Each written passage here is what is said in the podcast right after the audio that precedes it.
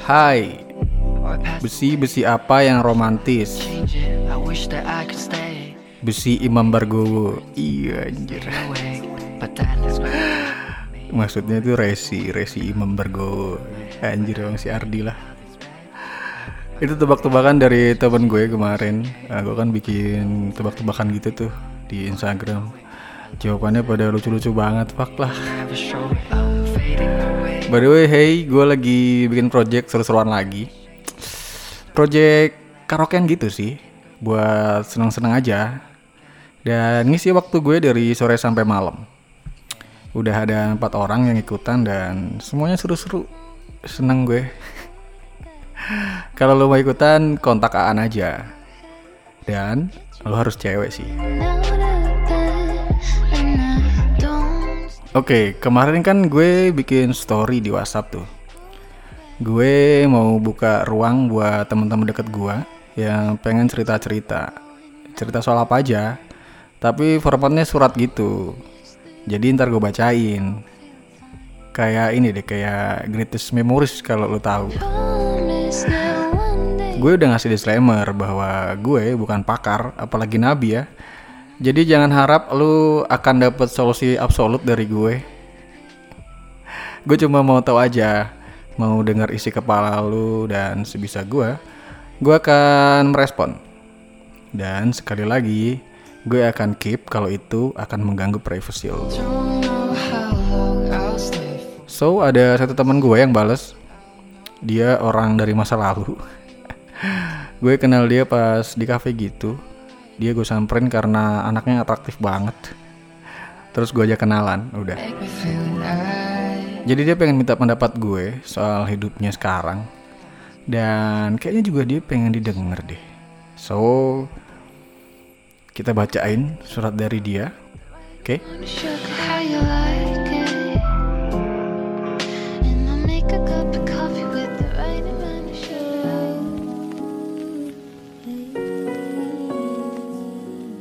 Hai Res, I like your podcast. Keep it up. Hai teman-temannya Resi, aku Ayu.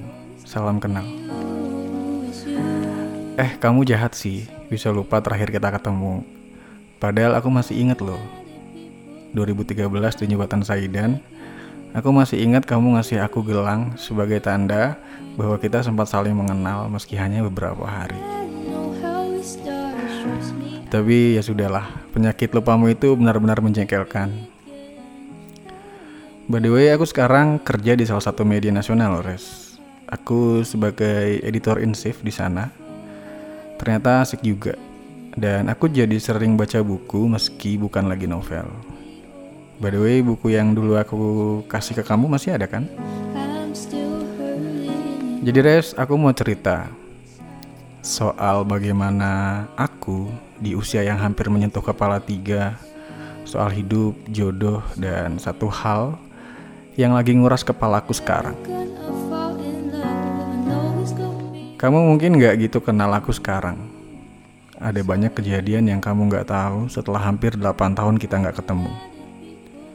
Untuk perempuan seusiaku yang hidup di lingkungan penuh dogma agama, memutuskan untuk tidak berkerudung adalah salah satu tindakan bebalku. Meski demikian, aku udah rutin ngaji sekarang, selepas maghrib bareng keluarga. Tapi aku masih sering keluar rumah tanpa berkerudung. Hehehe.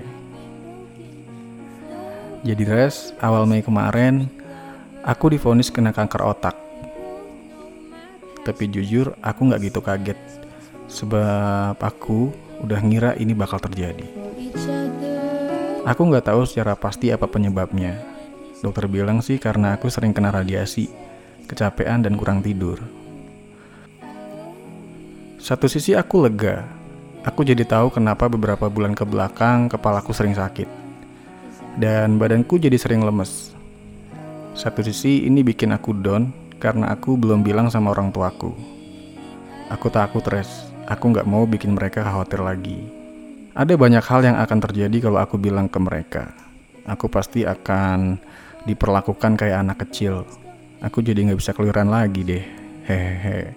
Selain itu, orang tuaku juga berencana akan menjodohkanku sama anak dari teman ayahku. Aku udah kenal dekat sama dia. Aku nggak suka, tapi aku mencoba untuk suka. Kan katanya sayang bisa tumbuh seiring waktu kan, Res? Toh aku udah berumur juga. Aku capek main-main lagi. Sampai saat ini belum ada yang tahu. Cuma kamu dan teman-temanmu yang dengar ini. Aku bingung, Res. Aku ngerasa ada yang ganjel. Tapi aku nggak mau bilang karena pasti aku akan mengecewakan banyak orang. Res, boleh aku minta pendapatmu? Apa aku kabur aja dari rumah ya? Sebab aku rasa bukan waktunya lagi aku ngeluh ke orang tua. Thanks, Res. Kalau ke Jogja kita ketemu ya.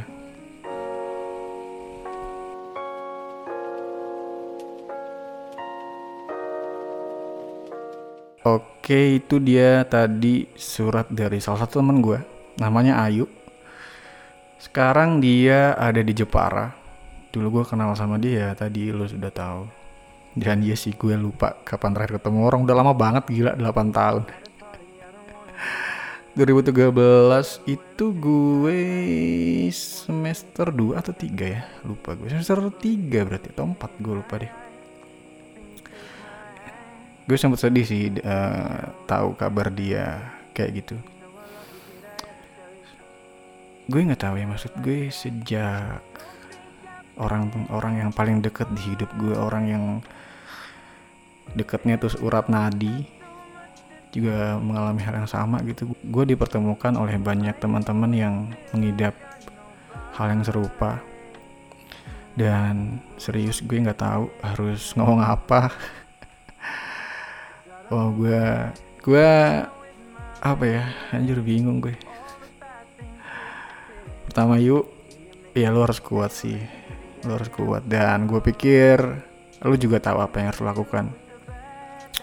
Meskipun lu masih bandel ya. Kayaknya lu masih bandel nih masih enggak lu? Meskipun lu masih bandel gitu ya lu tau lah apa yang harus lu lakukan. Lu tahu apa yang terbaik untuk hidup lu. Jadi pesan yang bisa gue kasih ya udah tetap dihadapin aja sabar aja dan selalu punya niat baik selalu berbuat baik udah itu aja dan selebihnya kita serahkan kan sama yang di atas. Terus tadi lu minta pendapat gue soal apakah lo harus kabur dari rumah? Anjir gue nggak tahu fuck. Soalnya gue nggak tahu sih lu gimana situasi hati lu. Gue kan tahu lu cuman dari surat yang sebenarnya sangat singkat ini juga sih. Jadi kalau menurut gue sih ya kalau dari dari rangkuman perjalanan hidup lu ini yang lu tulis hanya berapa karakter aja janganlah jangan keluar dari rumah lah. Meskipun lu ngerasa bukan waktunya lagi untuk ngeluh ke orang tua gue pikir jangan. Orang tua orang tua tetap sayang kok sama lu. Orang tua lu tetap sayang dan gue yakin mereka sayang sama lu dan akan bener-bener ngasih yang terbaik buat lu meskipun lu sering bandel ya.